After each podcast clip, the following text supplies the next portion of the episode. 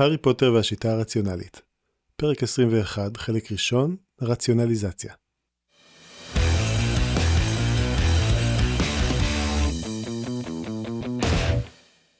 הרמיוני גרינג'ר חששה שהיא נעשית רעה. לרוב היה ההבדל בין טוב ורע קל כל כך לזיהוי, עד שהיא מעולם לא הבינה מדוע אנשים אחרים מתקשים בזה כל כך.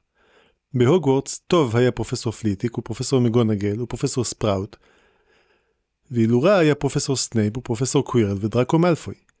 הארי פוטר היה מאותם המקרים הנדירים שבהם לא ניתן לדעת רק על סמך התבוננות. היא עדיין ניסתה להבין לאן הוא שייך. אבל בכל הנוגע אליה עצמה, הרמיוני שאבה הרבה יותר מדי הנאה מניצחונותיה על הארי פוטר. היא הצליחה יותר ממנו בכל שיעור שהיה להם, למעט רכיבה על מטאטה שהיה כמו שיעור ספורט ולכן לא נחשב.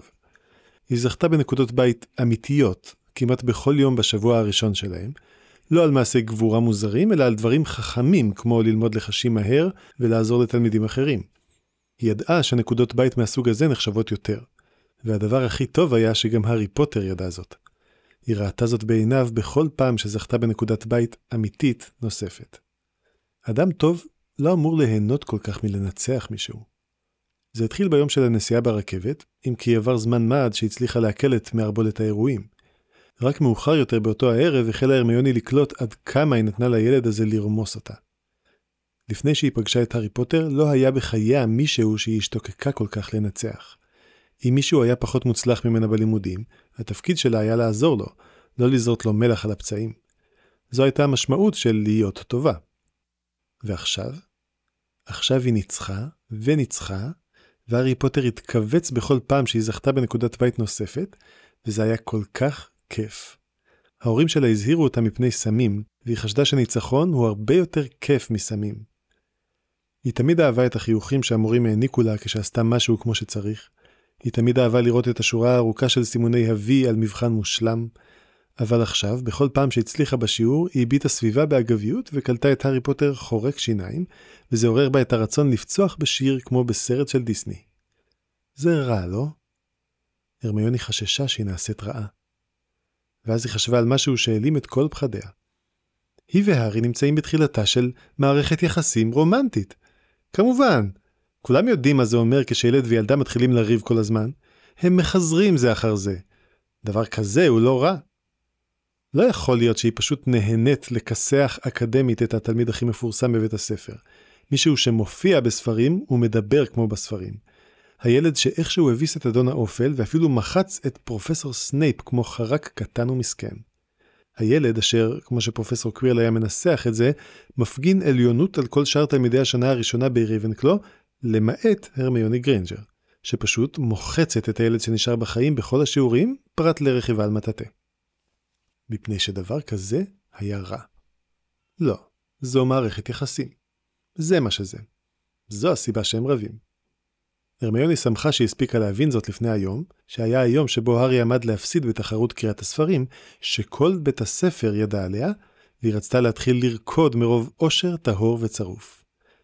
השעה הייתה 2.45 ביום שבת, ולהארי פוטר נותר לקרוא עוד חצי מתולדות הכישוף של בתחולדה בגשות, והסתכלה על שעון הכיס שלה מתקתק באיטיות מחרידה לעבר השעה 2.47. וכל חדר המועדון של רייבנקלו צפה בנעשה. לא היה מדובר רק בתלמידי השנה הראשונה. החדשות התפשטו כמו אש בשדה קוצים, וחצי מתלמידי רייבנקלו התגודדו בחדר כשהם מצטופפים על ספות ונשענים על ארונות ספרים ויושבים על מסעדי כיסאות. כל ששת המדריכים נכחו במקום, כולל המדריכה הראשית של הוגוורטס. מישהו הטיל לחש מטהר אוויר רק כדי לוודא שיש מספיק חמצן. המולת השיחות גבעה ללחישות, שנמוגו כעת לדממה מוחלטת. 2.46 המתח היה בלתי נסבל. אילו היה זה מישהו אחר, כל אחד אחר, תבוסתו הייתה ברורה. אבל זה היה הארי פוטר, ולא היה ניתן לשלול את האפשרות שהוא עלול, במהלך השניות הקרובות, להרים יד ולהקיש באצבעותיו. הרמיוני נתקפה אימה פתאומית כשהבינה שהארי פוטר עשוי לעשות דבר כזה בדיוק. זה יהיה כל כך אופייני לו לסיים לקרוא את החצי השני של הספר עוד קודם לכן. ראייתה של הרמיוני החלה להתערפל. היא ניסתה לנשום וגילתה שהיא פשוט אינה מסוגלת. נותרו עוד עשר שניות והוא עדיין לא הרים את ידו. נותרו עוד חמש שניות. 2.47. הארי פוטר הניח בזהירות סימניה בתוך הספר, סגר אותו והניח אותו בצד. אני רוצה לציין, למען הדורות הבאים, אמר הילד שנשאר בחיים בקול צלול, שנותר לי רק עוד חצי ספר ושנתקלתי במספר עיכובים בלתי צפויים. הפסדת!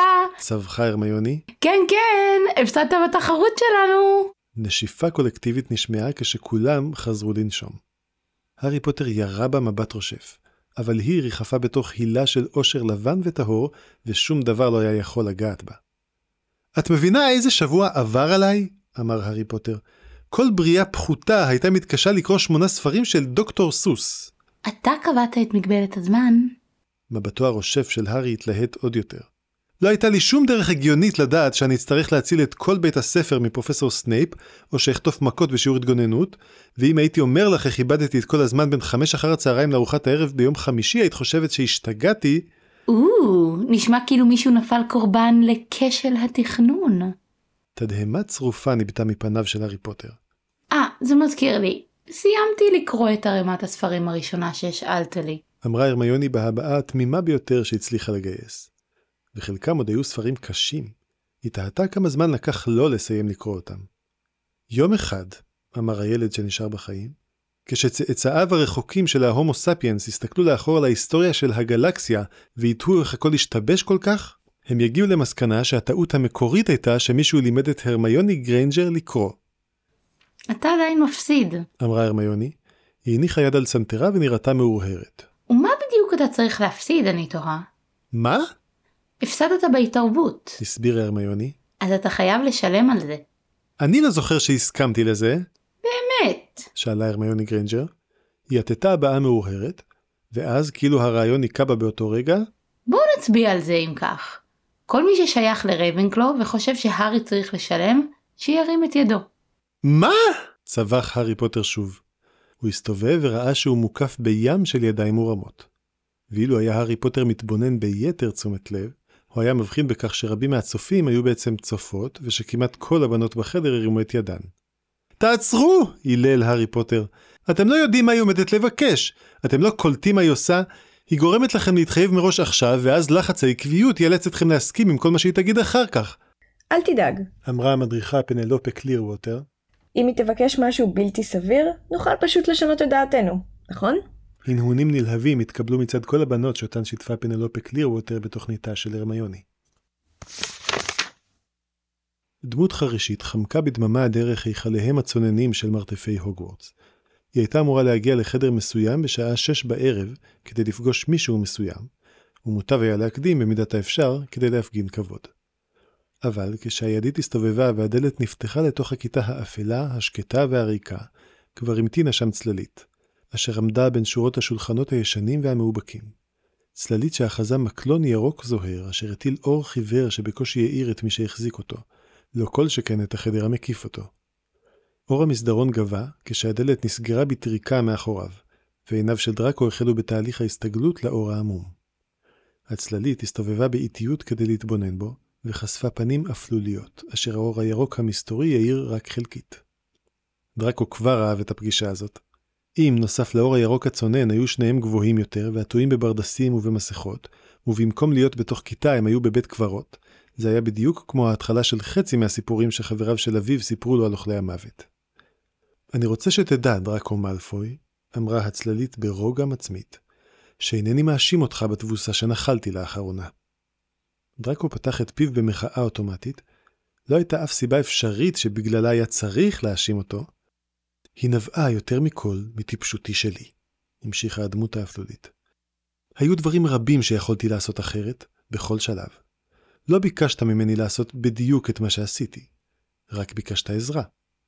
אני זה שבחר, שלא בחוכמה, את הדרך המסוימת הזאת. אבל העובדה היא שהפסדתי בתחרות בחצי ספר. פעולותיו של אידיוט המחמד שלך והטובה שביקשת, וכן הטיפשות שלי לגבי אופן ביצועה, גרמו לי לאבד זמן. יותר זמן ממה שאתה יודע. זמן שהתברר בסופו של דבר כמכריע. העובדה היא, דרקו מלפוי, שאילולא ביקשת את הטובה הזאת, הייתי מנצח במקום להפסיד. דרקו כבר שמע על ההפסד של הארי ועל התשלום שגריינג'ר דרשה ממנו. החדשות התפשטו מהר כל כך עד שינשופים לא היו עומדים בקצב. אני מבין. אמר דראקו. אני מצטער. לא היה שום דבר אחר שהוא היה יכול לומר אם רצה שהארי פוטר יהיה חבר שלו. אני לא מבקש הבנה או צער, אמרה הצללית האפלה, עדיין באותו רוגע מצמית. אבל העברתי עכשיו שעתיים שלמות בחברתה של הרמיוני גרנג'ר, לבוש בבגדים שסופקו לי, בביקור במקומות מרתקים בהוגוורטס, כגון מפל מבעבע זעיר של מה שבעיניי נראה כמו נזלת, מלווה בעוד כמה בנות שהתעקשו לעסוק בדברים מועילים כמו לפזר בדרכנו עלי כותרת שנוצרו בשינויי צורה. הייתי בדייט, היורש לבית מלפוי. הדייט הראשון שלי. וכשאדרוש ממך להחזיר לי טובה על כך, אתה תעשה זאת. דראקו הנהן בכובד ראש. לפני שהגיע הוא השכיל לנקוט באמצעי זהירות וגילה כל פרט אפשרי על הדייט של הארי, כדי שיוכל לסיים לצחוק צחוק היסטרי לפני השעה שבה קבעו להיפגש, ולא ינהג בחוסר טקט בכך שיצחקק ללא הפסק עד כדי אובדן הכרה. אתה חושב אמר דראקו, שמשהו מצער צריך לקרות לגריינג'רית? תפיץ בסלית'רין את השמועה שהגריינג'רית היא שלי, ושכל מי שיתעסק בעניינים שלי ימצא את שאריותיו מפוזרות על פני שטח גדול מספיק כדי שידברו בו תריסר שפות שונות. ומכיוון שאני לא בגריפינדור ואני משתמש בעורמה ולא במתקפות חזיתיות מיידיות, שלא ייבהלו אם יראו אותי מחייך אליה. או אם יראו אותך בדייט שני? שאל דראקו כשהוא מרשה רק לנימה קלה ביותר של ספקנות לחדור לקולו. לא יהיה דייט שני! אמרה הצללית המוארת בירוק בקול כה אימתני עד שנשמע לא סתם כמו אוכל מוות, אלא כמו עמיקוס קארו בפעם ההיא, ממש לפני שאבא שלו אמר לו להפסיק עם זה ושהוא לא אדון האופל. אבל הקול בכל זאת היה קול גבוה של ילד, וכשמוסיפים לכך את המילים עצמן, זה פשוט לא עבד. אם הארי פוטר באמת יהפוך לאדון האופל הבא ביום מן הימים, דראקו ישתמש בהגיגית כדי לאחסן עותק של הזיכרון הזה במקום בטוח, והארי פוטר לעולם לא יעז לבגוד בו. אבל הבה נדבר על עניינים שמחים יותר, אמרה הדמות אפופת הצללים הירוקים. הבה נדבר על ידע ועל כוח. דראקו מאלפוי, הבה נדבר על מדע. כן, אמר דראקו. הבה נדבר. דראקו תהה איזה חלק מהפנים שלו גלוי לעין ואיזה חלק מוצלל באור הירוק המסתורי. ואף על פי שדראקו שמר על פנים רציניות, הוא חייך בליבו. הוא סוף סוף עמד לנהל שיחה של גדולים. אני מציע לך כוח, אמרה הדמות האפלולית, ואספר לך על הכוח הזה ועל מחירו. הכוח מגיע מהכרת מבנה המציאות, ועל ידי כך השגת שליטה עליה. על אשר מבינים אפשר גם לצוות, ויש בכך די כוח כדי להלך על הירח. מחירו של כוח זה הוא שעליך ללמוד לשאול את הטבע שאלות, ומה שקשה הרבה יותר, ללמוד לקבל את תשובותיו. אתה תערוך ניסויים, תבצע בדיקות ותצפה בתוצאות. ואתה תהיה חייב לקבל את משמעותן של התוצאות האלו כשהן יאמרו לך שאתה טועה. אתה תהיה חייב ללמוד להפסיד. לא לי, אלא לטבע. כשתמצא את עצמך מתווכח עם המציאות, תהיה חייב לתת למציאות לנצח. אתה תגלה שהתהליך הזה מכאיב, דרקו מאלפוי, ואני לא יודע אם אתה חזק מספיק מבחינה זו. עכשיו, כשאתה יודע את המחיר, האם אתה עדיין רוצה ללמוד את הכוח האנושי? דרקו נשם נשימה עמוקה. הוא כבר חשב על כך, והוא לא ממש ראה איך הוא יכול לענות אחרת. הוא קיבל הנחיה לנצל כל הזדמנות אפשרית להתיידד עם הארי פוטר, ומדובר רק בלימוד. הוא לא מבטיח לעשות שום דבר. הוא תמיד יכול להפסיק את השיעורים. בהחלט היו במצב הזה כמה דברים שגרמו לו להיראות כמו מלכודת, אבל דרקו באמת לא ראה כיצד משהו יכול להשתבש. נוסף לכך, דרקו אכן די רצה לשלוט בעולם. כן. אמר דרקו. מצוין, אמרה הדמות האפלולית. היה לי שבוע קצת עמוס, וייקח לי זמן לתכנן את מערכת השעות שלך, גם לי יש דברים רבים שאני צריך לעשות כדי לבסס את מעמדי בסלידרין. אמר דרקו. שלא לדבר על שיעורי בית. אולי פשוט כדאי שנתחיל באוקטובר. נשמע רעיון חכם, אמרה הדמות האפלולית. אבל מה שהתכוונתי לומר הוא שכדי לתכנן את המערכת שלך אני צריך לדעת מה אלמד אותך. חשבתי על שלושה דברים. האפשרות הראשונה היא שאלמד אותך על התודעה ועל מוח האדם. האפשרות השנייה היא שאלמד אותך על היקום הפיזי, אותן האמנויות שמתוות את הדרך לירח. לימוד כזה יכלול מספרים רבים, אבל בעיני אנשים מסוימים המספרים האלה יפים יותר מכל דבר אחר שיש למדע ללמד. אתה אוהב מספרים, דרקו? דרקו הניד בראשו לשלילה. אז נוותר על הרעיון. אתה תלמד מתמטיקה בשלב מסוים, אבל נראה לי שלא כבר בהתחלה. האפשרות השלישית היא שאלמד אותך גנטיקה ואבולוציה ותורשה, מה שאתה היית קורא לו דם, את זה. אמר דרקו. הדמות הנהנה. חשבתי שאולי תאמר זאת. אבל אני חושב שזאת תהיה הדרך הכי כואבת בשבילך, דרקו. מה אם משפחתך וחבריך, שתומכים בתואר אדם, אומרים דבר אחד, ואתה תגלה שתוצאות הניסוי אומרות דבר אחר? אז אני אברר איך לגרום לניסוי להוציא את התשובה הנכונה.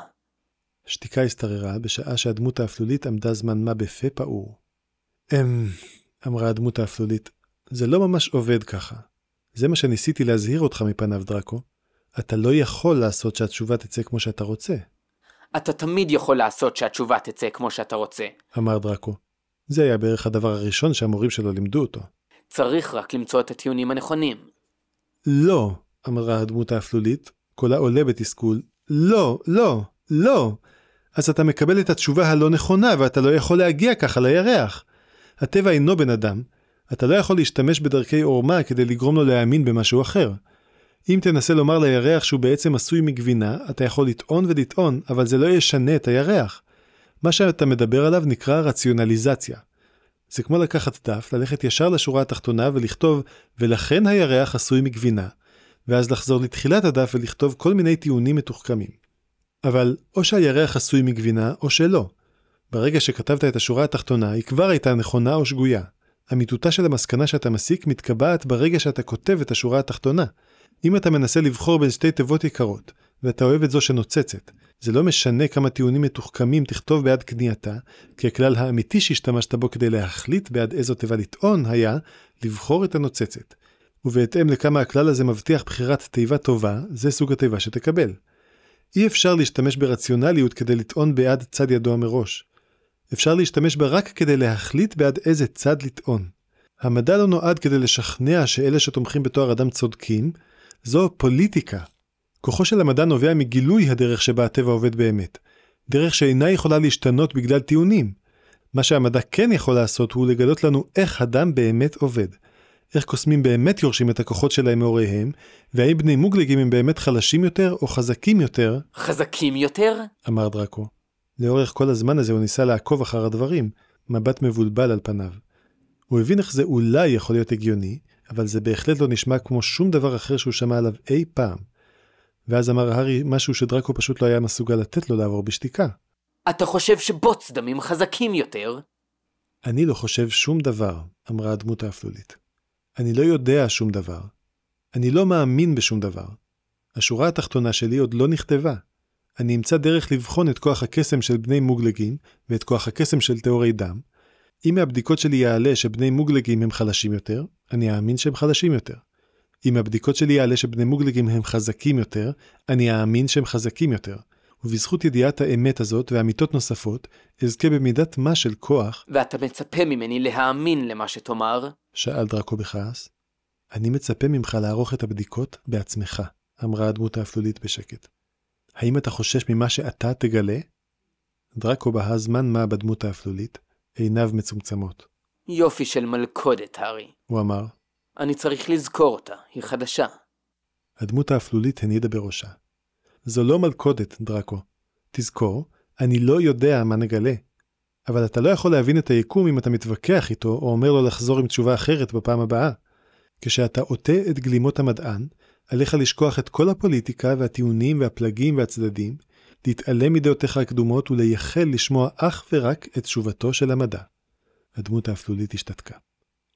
מרבית האנשים אינם מסוגלים לעשות זאת, וזוהי הסיבה שזה קשה. אתה בטוח שאתה לא מעדיף פשוט ללמוד על המוח? ואם אומר לך שאני מעדיף ללמוד על המוח, אמר דראקו, קולו קשוח עכשיו. אתה תספר לכולם שפחדתי ממה שאגלה. לא, אמרה הדמות האפלולית. אני לא אעשה דבר כזה.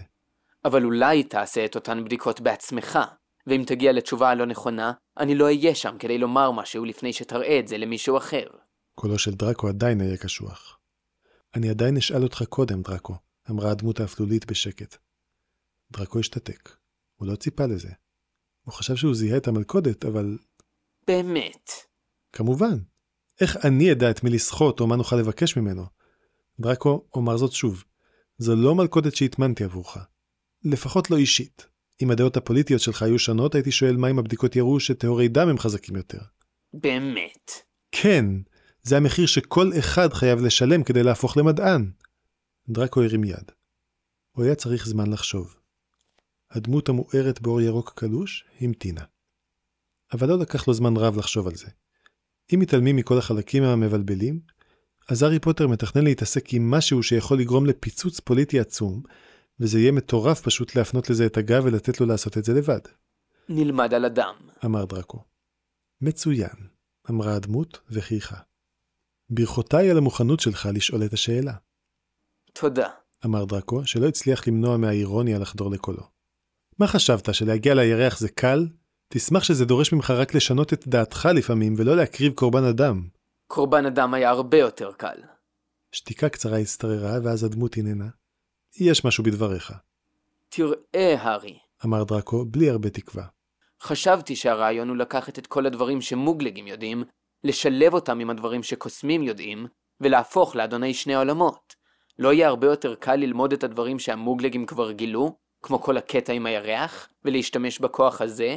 לא, אמרה הדמות במנוד ראש חד, אשר הרקיד את הצללים הירוקים על אפו ועל עיניו. קולו הרצין מאוד. אם אינך מסוגל ללמוד את האמנות המדעית של קבלת המציאות, אסור לי ללמד אותך מה אמנות זו אפשרה לגלות. זה יהיה כאילו קוסם רב עוצמה יספר לך על השערים שאסור לפתוח, ועל החותמים שאסור לשבור, לפני שהוכחת את התבונה והמשמעת שלך בכך ששרדת סכנות פחותות. צמרמורת חלפה בגבו של דראקו, והוא רעד כנגד רצונו. הוא ידע שהיה ניתן לראות זאת גם באור העמום. טוב, אמר דראקו. אני מבין. אבא שלו אמר לו זאת פעמים רבות. כאשר קוסם חזק ממך אומר לך שאתה עוד לא מוכן לדעת משהו, אל תמשיך לחקור אם ברצונך לחיות. הדמות הרכינה את ראשה.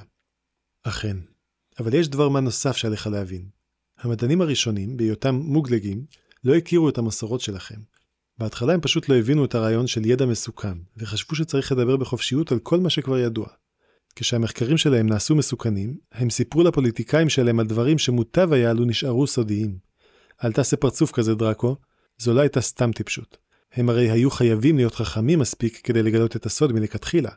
אבל הם היו מוגלגים, וזאת הייתה הפעם הראשונה שהם גילו משהו ממש מסוכן, ולא הייתה להם מראש מסורת של סודיות.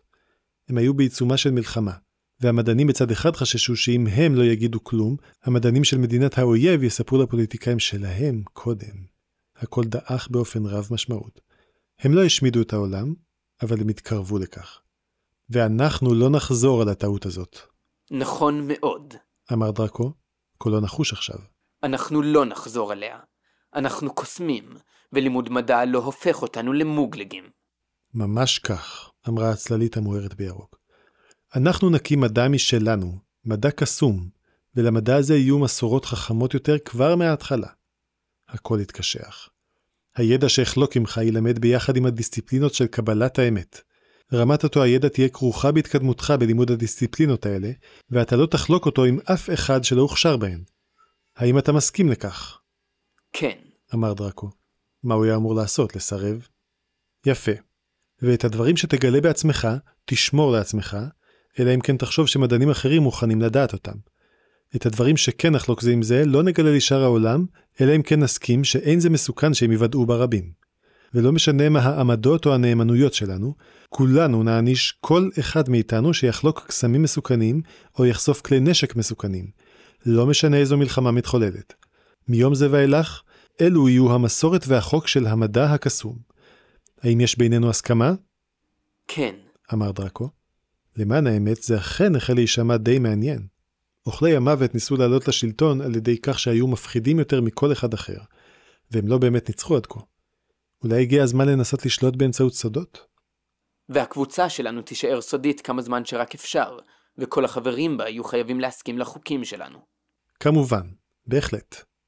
השתררה שתיקה קצרה מאוד. נצטרך גלימות טובות יותר, אמרה הדמות האפלולית, עם ברדסים וכדומה, בדיוק חשבתי על זה. אמר דראקו. אבל אנחנו לא צריכים גלימות חדשות לגמרי, רק שכמיות עם ברדסים כדי ללבוש מעל. יש לי ידידה בסלידרין שיכולה למדוד אותך. אבל אל תגיד לה בשביל מה זה, אני לא טיפש. ובלי מסכות בינתיים, לא כל עוד מדובר רק בשנינו, אמרה הדמות האפלולית. נכון. אבל אחר כך אנחנו צריכים איזה סימן מיוחד שיהיה לכל עושי דברינו. סימן המדע. כמו נחש שאוכל את הירח על יד ימין. קוראים לזה דוקטורט, ואתה לא חושב שיהיה קל מדי לזהות את האנשים שלנו ככה? הא? כאילו, מה אם מישהו יגיד, טוב, עכשיו כולם להראות בבקשה את יד ימין, והאיש שלנו יהיה כזה, אופס, עושה רושם שאני מרגל, תשכח שאמרתי משהו. אמר דרקו, זיעה פורצת לפתע מכל נקבוביות גופו. הוא היה זקוק להסחת דעת ומהר. ואיך נקרא לעצמנו? אוכלי המדע? לא, אמרה הדמות האפלולית לאיתה, זה לא נשמע מתאים. דרקו העביר את ידו על מצחו ומחה עגלי זיעה בשרוול גלימתו. מה אדון האופל חשב לעצמו? אבא שלו אמר שאדון האופל היה חכם. אני יודע, אמרה הדמות האפלולית לפתע. אתה לא תבין את זה, אבל סמוך עליי, זה מתאים. בשלב זה דרקו היה מוכן להסכים אפילו למנשנשים של מאלפוי רק כדי להחליף נושא. על מה חשבת? ובין השולחנות המאובקים בכיתה הריקה במרתפי הוגוורטס, עמדה צלליתו האפלולית של הארי פוטר, מוארת בירוק. פרסה את ידיה בדרמטיות ואמרה, היום הזה יציין את לידתו של הקשר הבייסיאני. סוף פרק 21, חלק ראשון. הארי פוטר והשיטה הרציונלית. נכתב על ידי אליעזר יודקובסקי. מבוסס על עבודתה של ג'יי קיי רולינג. תורגם לעברית על ידי קהילת רציונליות ישראל. מוגש על ידי דביר שדה. הרמוני גריינג'ר, על ידי יעל אייזיקס.